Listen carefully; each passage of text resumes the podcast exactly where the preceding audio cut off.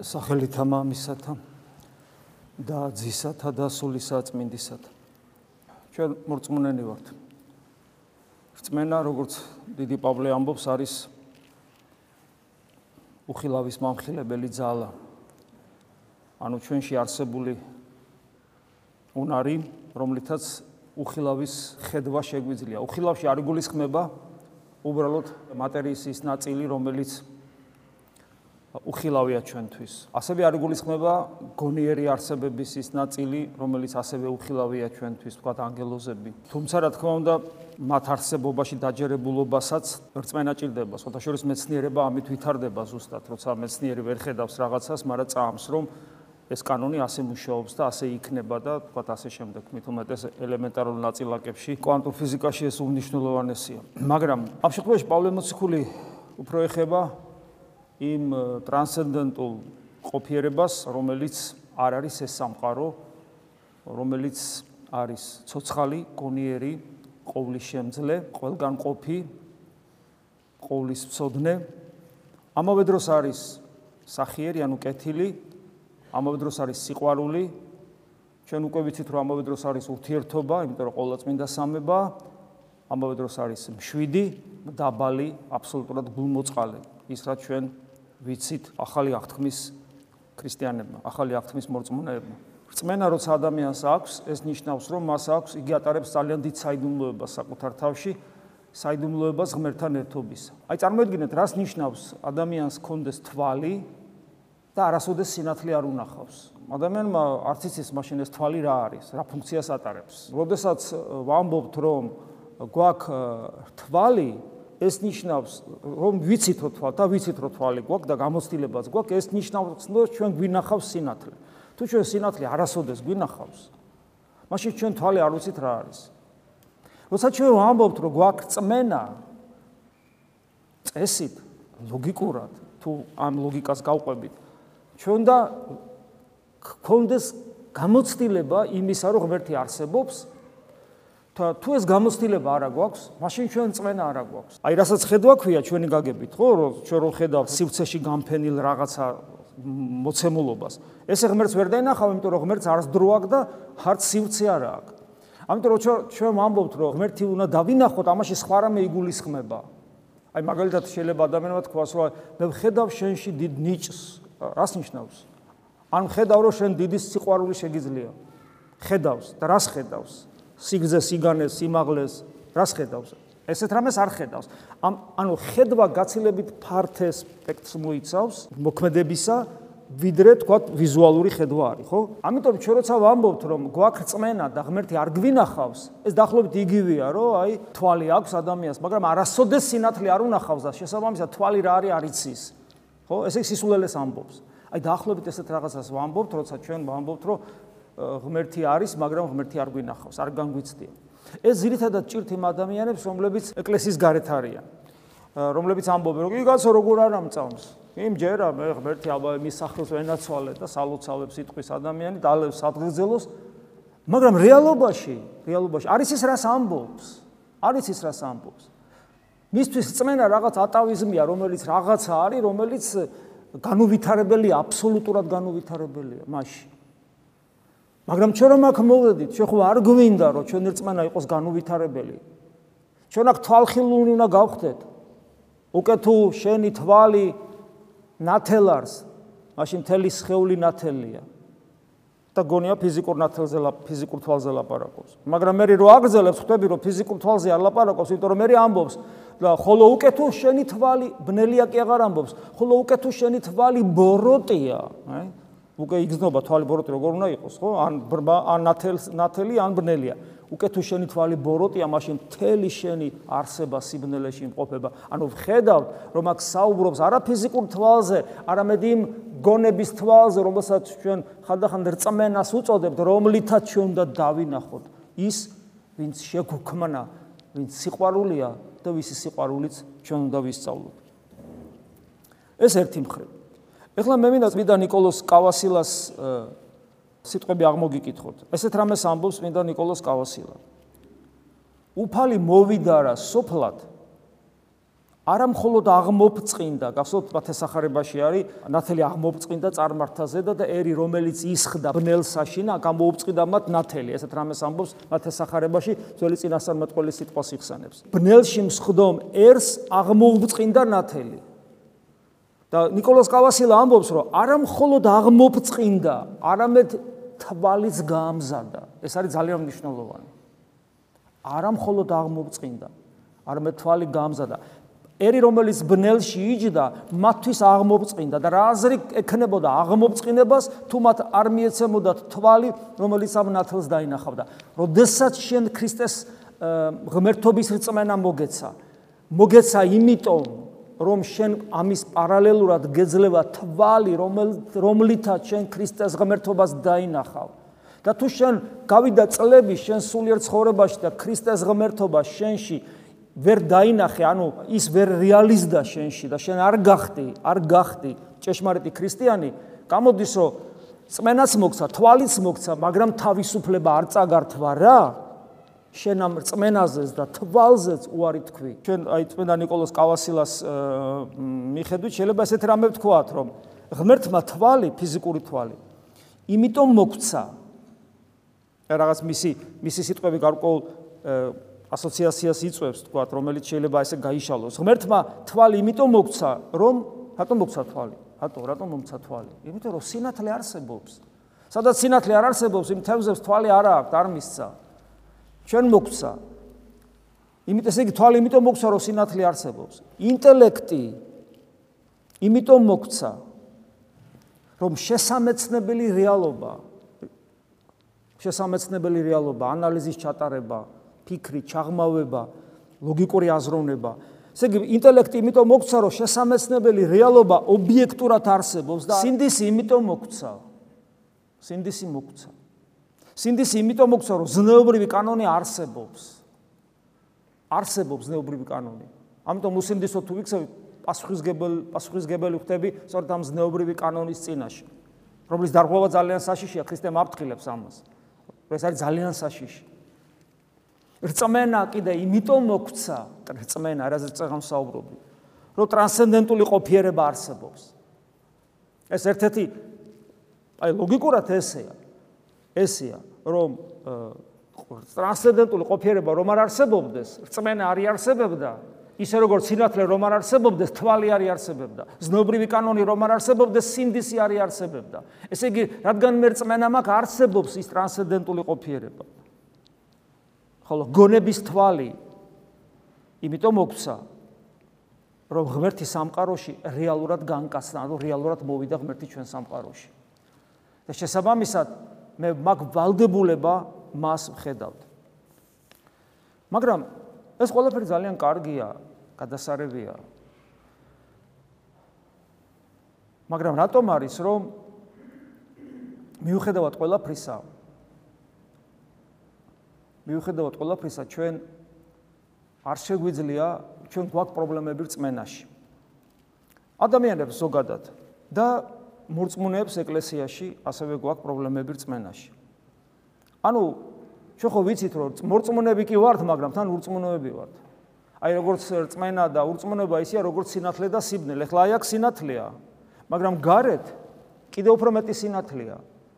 და სადღაც კიდევ უფრო მეტი სიბნელეა, ანუ სინათლე სიბნელესთან ერთად შეზავებულად არსებობს და გააჩნია პროცენტული მაჩვენებლები, როგორ არის და იმის მიხედვით სინათლე ან მეტი ან ნაკლები. ასევე არის წმენა და ურწმუნოება. წმენა არის და წმენასთან ერთად არის ურწმუნოება, აუცილებლად. ამას დიდი პავლე მოციქული ამბობს, რომ ჩვენ ახლა ნაწილობრივ ჭრეთ, ნაწილობრივ ხედავთ, აი როგორ დაბინდულ მინაში ან რაღაცა სარკეს რო გულისხმობ, თანამედროვე სარკე არ გულისხმობა, აი კაპრიალებული სპილენზი გულისხმობა, სადაც მაინდა-მაინც კარგად არ ჩანდა ადამიანი. ხო და აი ეს ეს წმენა და ურწმუნოება მუდამ შეზავებულია ერთმანეთში. ამიტომ ჩვენ მორწმუნეები კი ვართ, მაგრამ ურწმუნოებიც ვართ ამავე დროს. აქ სინათლე არის, მაგრამ სიბნელეც არის, იმიტომ რომ თუ აქ სიბნელე არ არის, აბა გარეთ მზეზე რაღა არის, რა კაჩახჩახებულია. ესეც სინათლეა და ისიც, დიახ, მაგრამ აქ აქ სიბნელე მეტია. ვიდრე იქ. ანუ ჩვენ რწმენას გვაქვს და ურწმუნოებაც. და ჩვენში ეს ჭიდილი სულ არის რწმენისა და ურწმუნოების. ამიტომ ჩვენ რო ვთქვათ, რომ ჩვენ ურწმუნოები არა ვართ, ვინ გითხრა რომ ჩვენ ურწმუნოები ვართ? მორწმუნეებიც ვართ, მორწმუნეებიც ვართ. საქმე იმაშია, რომ როგორ არის შეზავებული ეს ერთმანეთში. ხო და აი ურწმუნოები კაი გასაგებია ეს თქვა. ამას ამას მივხვდით, რომ შეზავებულია, მაგრამ აი ურწმუნოების წმენის მიზეზი გავიგე რა არის. წმენის მიზეზი ხო ვიცით რა არის უკვე. წმენის მიზეზი არის ის, რომ არსებობს ღმერთი, ღმერთი რომ არ არსებობს, წმენა არ მექნება. ისე როგორც კიდევ ვიმეორებ, თვალის მიზეზი არის ის, რომ სინათლე არსებობს. ესე იგი მე რადგან მორწმუნე ვარ, ესე იგი ღმერთი არსებობს, მაგრამ ურწმუნო რატო ვარ? მაშინ, რატო ვარ ურწმუნო? ამასაც თავის მიზეზი აქვს. ოღონ ეს მიზეზი უკვე ჩემშია და არა ღმერთში. ესე როგორც სინათლე არსებობს, ესე იგი თვალი იმიტომ აქვს. მაგრამ მე თუ თვალს დავხუჭავ, სიბნელეში ვარ. ეს ნიშნავს იმას, რომ ესე იგი მიზეზი ჩემი სიბნელისა მე ვარ, მე თვალი დავხუჭე. თორე თუ გავახელ, სინათლეში ვარ. ურწმუნოების მიზეზი პირველ რიგში წმინდა წერილის მიხედვით არის სინდისის ხმის უგულვებელს ყოფა, იმიტომ რომ სინდისი ხომ იმიტომ აქვს, რომ ზნეობრივი კანონი არსებობს. ანუ მე თუ უარყოფ ზნეობრივ კანონს, მე ურწმუნოებაში დარჩები ბოლომდე, როგორც არ უნდა რწმენა ჩანასახის სახით მომეცეს, იმიტომ რომ ღმერთი არსებობს. ღმერთი არსებობს, ამიტომ მომეცა მე რწმენა ჩანასახის სახით, მაგრამ მე თუ ზნეობრივ კანონს უარყოფ, ესე იგი სინდისი მიჩლუნდება და შესაბამისად უკვე წმენასაც პრობლემა ექნება, იმიტომ რომ ურწმუნოებაში შევდივარ. აი ნახეთ როგორ ამბობს იესო თხევანდელ сахарებაში, როდესაც განკურნავს უფალი, მოციქულები ვერ განკურნავენ ეშმაკეულ ბავშვს და უფალი განკურნავს. და როცა ის ეხვეწება შოემშვილი განმიკურნეო, მიუგო იესო და რქვა: ჰოი ნათესავი ურწმუნო და გულარ გულაძნილი ნიშნავს უკუღმართი, გარყვნილი, უზნეო ანუ ნათესავი ურწმუნო, ჰოი ნათე, ჰაი, ესე შეღაღადებს. წარმოგიდგენ ღმერთი როგორ დავღალებ. ჰოი ასე ამბობს. დაიღ დაღლილი ღმერთი ჩვენგან. ეს ნათესავი ურწმუნო და გულაზნე ანუ უკუღმართი გარყვნილი უზნეო. და ეგ ხას უსვავს რომ ურწმუნო იმითო ხარ ადამიანო. რომ ზნეობრივ კანონს უგულ ანუ სინდისის მიხედვით არ ცხოვრობ ზნეობრივ კანონს უგულებელს ხო შენ წმენას მე გაძლევ მაგრამ შენ რომ ურწმუნოება მეტია შენში ეს შენი ბრალია იმიტომ რომ არ ითვალისწინებ იმას, რომ ადამიანი ხარ და ზნეობრივი კანონი უნდა ყოველთვის შენ თვალწინ კონდეს. ეს დაახლოებით ნიჭიერი ადამიანი, ნიჭი მოგცა, კაცო ღმერთმა მოგცა და შენი ცხოვრება უსაქმურად განლია და ბოლოს არაფერი არ ახარ და ვის დააბრალებ? შენ თავს დააბრალებ, იმიტომ რომ ნიჭი კი ქონდა, მაგრამ შრომა ხო უნდოდა ამ ნიჭს და შრომა არ გაწიე. აი რაღაც ესეთია. აი ფსალმუნებში აგეთ სიტყვები, იცით? თქვა უგუნურმა გულსაშინა თვისა, არ არის ღმერთი. ანუ ნახეთ სულე უგუნური სულელი. სულელი ამბობს თავის გულში ღმერთი არ არის კაცო. ეს ფსალმური სიტყვებია. და განმარტებაში ესეთი რამეა რომ უგუნური და სულელი რა გაგებით უგუნ არა ინტელექტუალურად სულელი. ხო განმარტავენ ფსალმუნებს და იქ ხო ორიგინალში რა სიტყვაზის და რა იგულისხმა დავით მე ფსალმუნებს და ეს ყველაფერი განმარტებები ხო არსებობს? საინტერესო რამეა სულელი არა ინტელექტუალურად არამედ სულელი უზნეობის გამო. ჩვენში რო უწმუნობა დიდი პროცენტით რომ არის არის ჩვენს მიერ უზნეობრივი კანონის უგულებელს ყოფა ჩვენ არ ვიბრძვით საკუთარი დაცემული ბუნების ვნებების ვნებიანი მიდრეკილებების ცოდვიანი გულის თქმების გულის სიტყვების წინააღმდეგ. არ ვიბრძვით ჩვენი ცხოველური მიდრეკილებების წინააღმდეგ და არ ვიბრძვით ჩვენი დემონური მიდრეკილებების წინააღმდეგ რომელიც ჩაგვაგონებს რომ ჩვენ მაგარი ტიპები ვართ განსაკუთრებულები ვართ ძალიან და ასე შემდეგ. სიამაყე, ეგოიზმი, ანგარება, შუური, არ პატივმოყარეობა, საკუთარი სიმართლე, აი საკუთარი სიმართლე ზოგშირად ვამბობთ სინდისთან მიმართებაში. სინდისი არის კიდევ ერთხელ ვიმეორებ, რომ შეაფასო ზნეობრივი სინდისი გეუბნება. ეს არის სწორი და ეს არ არის სწორი. და ჩვენ რა გვჭირს? ჩვენ თვითონ ვიცით რა არის სწორი და რა არ არის სწორი ადამიანთან მოყოლებული იმიტომ რომ ხო შემჭამეთის ناقოფი კეთილის კეთილისა და ბოროტის ცნობადის ხე. კეთილი და ბოროტი ვიცი იმიტომ რომ მე შევჭამე და გავხდი ღმერთი ღმერთი ვით ღმერთი. შესაბამისად მე რო ვიცი კეთილი და ბოროტი რა არის სწორი და არასწორი რა არის სინდის აღარ უსმენ. გესმით რა შეასაკო? აღარ უსმენ სინდის. აი ეს ესე ხდება ადამიანის ნელა დეგრადირება, დეგრადირება, დეგრადირება და ბოლოს ხებულობთ იმათ, რასაც ღებულობთ, რომ თითქოს წმენა მაქვს, მაგრამ ვერ ვითარდება ჩემში ეს წმენა. ვერაფრით ვერ ვითარდება. იმიტომ რომ ბარიერია ჩემსა და წმენას შორის. იმიტომ რომ მე არ ვებრძვი და არათუ არ ვებრძვი, მიყვარს ჩემი ვნებები, მიყვარს. ჩემი პატივმოყარეობა, ჩემი სიმართლე, ჩემი გროზი გამოხედვა, ჩემი სიარული, ჩემი ნიჭიერება, ჩემ აი ყველაფერი მიყვარს ჩემი. ყველაფერი მაგარი ტიპი ვარ. აი ეს აქვს ადამიანს და სანამ ადამიანს ეს აქვს და კიდევ ერთი ადამიანი რაც უფრო გონიერია, მასში სიამაყე უფრო მზაკრულად არსებობს. იმიტომ რომ გონიერმა იცის რომ სიამაყე ცუდი ტონია საზოგადოებაში და პატიმოყარეობა. ამიტომ გონიერმა იცის როგორ იყოს ამაყი და პატიმოყარე ისე რომ შეფუთოს სიმდაბლის ნიღბით. ამიტომ ამაყი გონიერი ადამიანი თუ სიამაყეში ის უფრო ის უფრო ძნელად განსაკურნავია. და მე საწყალი ადამიანი თავის თავსაც თავის თავსაც უმალავს ამ ყველაფერ ბოროტებას და და მე გიკვირს ბიჭო კაცი გონიერი ჭკვიანი, კეთილშობილი, არაფერი არაკლია, ღმერთისგან რამდენი წყალობა აქვს. ცუდი კაცი არ არის, კრიმინალი არ არის, სოციუმში პრობლემებს არ ქმნის. თავის კარიერას იკეთებს, წარმატება აქვს, პოპულარულია, ტასუ. რატომ არ არის მორწმუნე? მე როცა ესეთ ადამიანს მოვიდა განსასწრებელი 1 2 მესამე მეოთხე, თითქოს ეხლა მაინც უნდა გამოფხიზდეს. ჯო არა, რატომ არ არის მორწმუნე? იმიტომ არ არის მორწმუნე. რომ თავის სიმართლით, სიამაყით, ეგოიზმით ცხოვრობს. გესმით, აი ამიტომ არ არის. ამიტომ ვერ ხდება მორწმუნე. ხოლო ურწმუნოს არ შეუულია ქრისტესთან ყოფნა. სადაც ღმერთისა და ურწმუნოს ყოფნა ერთად არის შეუძლებელი. აი რომ მობეხო რა ღმერთი კაცო ხომ სიყვარულია ყველა ჯოჯოხეთში, ზე ყველა საპატიო ჯოჯოხეთი გაუქმდეს. გაუქმდეს კი ბატონო, არ გააუქმა აგე. ახეთ ხატი მისი რა აღდგომის. იქ არის გაუქმებული ჯოჯოხეთია დახატული. ქრისტემ ჯოჯოხეთი გააუქმა, შემოსრა, მეტი რაღა ქნას. მაგრამ ადამიანები რო ძალით იწე, დაკეტილი კარები აღარ არის ჯოჯოხეთში. ჯოჯოხეთის კარები დაიმსხრა, ღია არის. მაგრამ ადამიანს რო ღია კარი ჯოჯოხეთში ჯდომა უნდათ. დაკეტ კარები აღარ აქვს ჯოჯოხეთს, მორჩა. ეს მაგს აღარ შეუულია დაგრუპოს. თუ შენ თუ შენ არ არ გინდა ეს მაგრამ შენ თვითონ რო გინდა შენ თვითონ გინდა სიამაყე ამპარტანობა პატიმოყარება ეგოიზმი ანგარება შური პირუტყული მიდრეკილებები და უსიყვარულობა მრისხანება ეგ არის ჯოჯოხეთის თვისებები და ამიტომ საერთოდ კარები არ აქვს, მაგრამ ადამიანები შედიან და შეყუჟულების ხედან შიგნით. და ვისი ბრალია ეს? არ შეუძლია ურწმუნოს ქრისტესთან იყოს, რომელიც ამ ყველაფრის საპირისპიროა. ატანა არ აქვს ზულს ქრისტე. და არ შეუძლია ქრისტე ეგეთი ადამიანისათვის ჯოჯოხეთი უფრო ნეტარებაა ვიდრე ქრისტესთან ყოფნა. ის დაიწვება და აიფერფლება იმ სიმდაბლით, იმ სიყვარულით, რომელიც ქრისტესთან არის.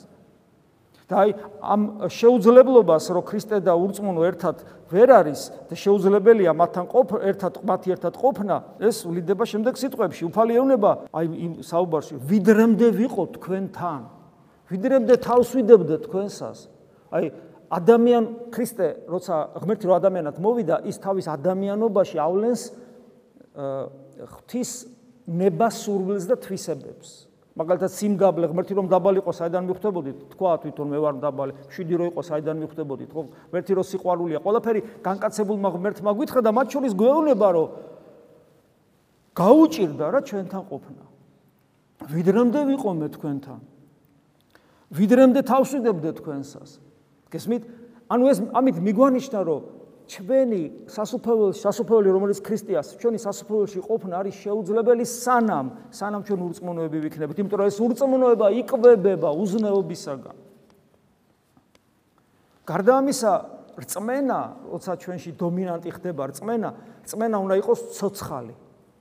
ცოცხალი. ყდარი არ შეიძლება. რწმენა არის აი როგორც თვალი, გონება, შემეცნების უნარები რა არის? გონება, ლოგიკური აპარატი, ამ შემთხვევაში უფრო სწორედ, თვალი, სმენა, სინდისი,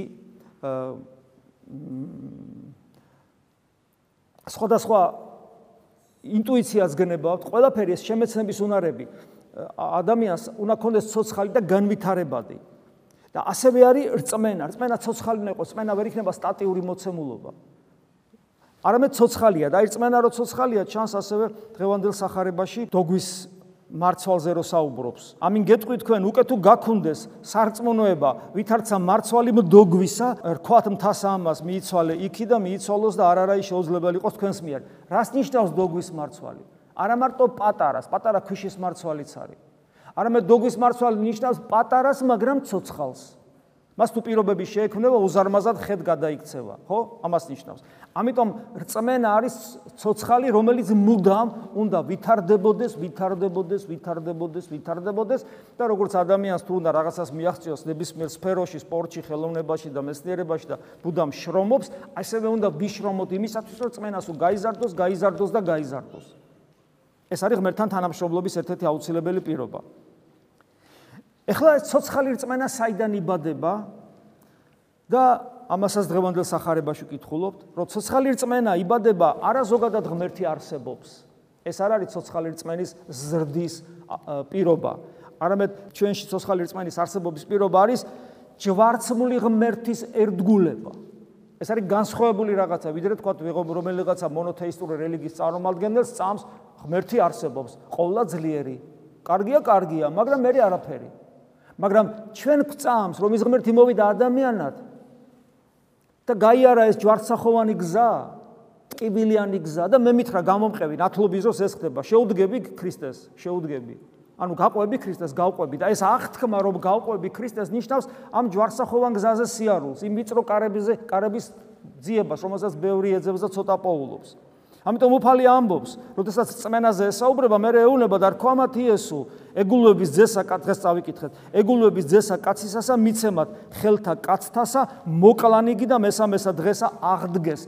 ანუ ყოველთვის როცა წმენაზე საუბრობს, ან რაღაც მარად სასუფეველზე საუბრობს, უფალი ყოველთვის დაამატებს ხოლმე, რომ რომ არ დაავიწყდეთ ამათ. რომ ამის წინაპირობა, ამ ყველა დიდებულების არას გველოდება, არის ის, რომ ჩვენ უნდა გავყვეთ ჯვარცმულ ღმერთს. მე თუ მდევნოს თქვენს გდევნიან. ეს არის აუცილებელი პირობა ქრისტიანობის. გარდა ამისა, ჩვენ ხშირად ვამბობთ, რომ ჭეშმარიტი რწმენა არ დაიყვანება რელიგიურ ცხოვრებამდე. ამას იმიტომ ვამბობთ, რომ რელიგიურობა ილუზიას გვიქმნის ჩვენ. ილუზიას გვიქმნის, რომ ჩვენ მორწმუნეები ვართ. რელიგიურობით ადამიანი მორწმუნე არ ხდება, იმიტომ რომ რელიგიები ძალიან ბევრია ჭეშმარიტ ეკლესიაში. ჭეშმარიტ ეკლესიაში, ძველი ახთმის ეკლესიაში იყვნენ რელიგიურები და ქრისტე ვერ იცნეს და ასევე ჭეშმარიტ ეკლესიაში, რომელიც ქრისტემ დაარსა, მე დავაარსებ ჩემ ეკლესიას, შენ კი არ უნდა შექმნა ეკლესია. არამედ ქრისტემ შექმნა უკვე ეკლესია. მე დავაარსებ ჩემ ეკლესიას. ქრისტემ რო ეს სიტყვები თქვა. ეხლა როგორ უნდა გამოვიდე მე ამ ეკლესიიდან და რაღაც არ მომწონს, არ მომწონხათ რა თქვენ მე. და წავედი და ჩემი ეკლესია და ჩემთვის დავაარსე ეკლესია. ესე ხდებოდა. ყველა დენომინაცია, ყველა ფაქტობრივად ესე ხდება. და რაღაცნაირად იფუთება იმაში, რომ ჭეშმარიტებას ეძებენ. ხო ეს გადახვევა იყო მცირე და ამას თავი დავანებოთ ახლა, მაგრამ ზოგადად რო ვიცოდეთ, რომ ეკლესია ეს არის ქრისტეს დაარსებული და სხვა ვერანაირ ვერ დაარსებს ეკლესიის ერთია და ქრისტემ დაარსა და მორჩა. მაგრამ აი ამ ეკლესიაში, რომელიც ქრისტემ დაარსა, რა თქმა უნდა არსებობს რელიგიური ცხოვრება, წესი, ჟული, რაღაცა, ხო, აბა როცა ადამიანს ფორმა აქვს და ზომა აქვს, უნდა მოძრაობდეს და მისი ლოცვაც რაღაც ფორმას გამოხატავს და ასე შემდეგ. ეს ბუნებრივია, მაგრამ აი ამ ჭეშმარიტ ეკლესიაში ვინც რელიგიური ცხოვრებით დაიწყო ცხოვრება, ყველამ ქრისტე დაკარგა, იმიტომ რომ ადამიანები ეკლესიის წიაღში, მათ შორის განათლებული ადამიანები რელიგიურ და ინტელექტუალურ ცხოვრებას არნიჭებდნენ უპირატესობას, და როცა რელიგიურ და ინტელექტუალურ ცხოვრებას არნიჭებ უპირატესობას, მისტიკა გეკარგება, ჭეშმარიტი მისტიკა. და წqdები ღმერთს და მე გგონია რომ ქრისტე მაგალითად არ არის ღმერთი გეგონება. და ასე შემდეგ, ბევრი ბევრი დამახინჯებები იყო. და აი პავლე მოციქული როგორ ამბობს გალატელთა მიმართ ეპისტოლეში. რწმენის ეს სიტყვები თქვენ იცით, იმიტომ რომ პერიოდულად ვიხსენებთ ხოლმე აი ამ როცა ამ თემებზე ვსაუბრობთ ამ ადგილს. გალატელთა მიმართ ეპისტოლე. რწმენის მოვლინებამდე და რწმენის მოვლინებაში გულისხმობს ფაქტობრივად ღმერთის განკაცებას. წმენა, რომელიც იმიტომ გვაქვს, რომ არსებობს ღვთის გამოცხადება და გამოცხადების მწვერვალი რადგან იყო ღმერთის ადამიანად მოსვლა, ამიტომ ღმერთის ადამიანად მოსვლა უკავშირდება ჩვენი რწმენის მაქსიმუმს, ანუ რწმენის მწვერვალს და ამას იმ მაქსიმუმს პავლე მოციქული უწოდებს ახლა რწმენას და რწმენის მოვლინებამდე სანამ რწმენა თავის მაქსიმუმს მიაღწევდა, აი 100%-იანი მხედველობა რომ აქვს თქვა, ხო?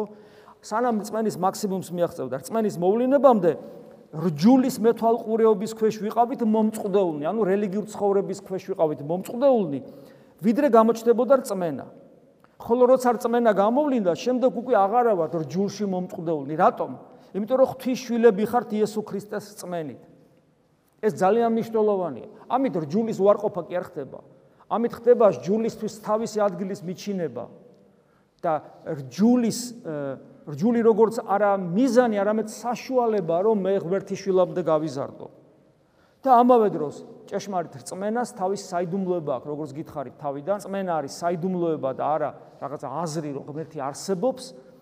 ეს არის საიდუმლოება იმისა, რომ რწმენა რადგან მაქვს, ესე იგი ღმერთი ადამიანად მოსულა და თუ ღმერთის ადამიანად მოსული ღმერთის არსებობის ჯერა, ესე იგი ჩემი რწმენა მაქსიმუმამდე მისულა და ეხლა საჭიროა, რაც მოცემულობაა ჩემში. საჭიროა მისი მიხედვით ცხოვრება და შესაბამისად უკვე ხდება რწმენის შემოქმედებითი განვითარება.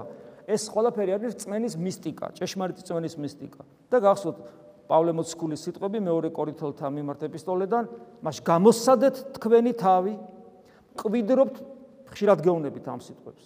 ეს გამეორება ცოდნის დედაო და ეს სულ გჭირდება. გამოცადეთ თქვენი თავი, ყვიდრობთ თუ არა რწმენაში. შეამოწმეთ თქვენი თავი. ნუ თუ არიცით რომ თქვენშია იესო ქრისტე და თუ არიცით გამოცდისთვის ვერ გაგიძლიათ. და ეს გამოცდა ჩვენ გვაქვს ყოველ დღე.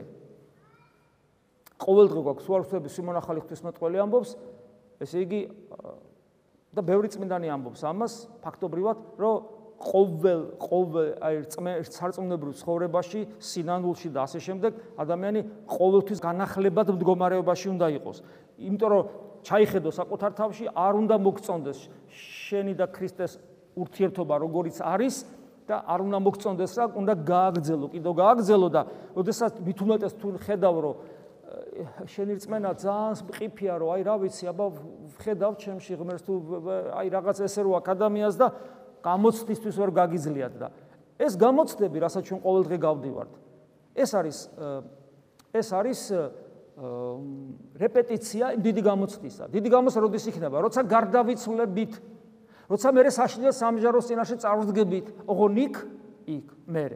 აი, ხვალე აღარ დღეს მაქვს ხვალე, აი დღეს ვერ ვივარგე რა, ვერ ვივარგე. ხვალე მაქვს. ნუ იმედი გვაქვს. შეიძლება არც ამაქვს ხვალე კაცმა. აი ერთ დღეს იქნება რომ ხვალე არ მექნება. ეგეც არის. ამიტომ ძალიან მთლად რომ მაგ ხვალის იმედზე არ უნდა ვიყო, მაგრამ აი თუ მაინც ვერ გავატარე ეს დღე ისეთი, ნუ რაღაცა რაღაცა პროცენტი ხომ აქვს ხვალე ხვალინდელი დღე? მაგრამ მიკრო წარსდგები ხვალე აღარ მექნება.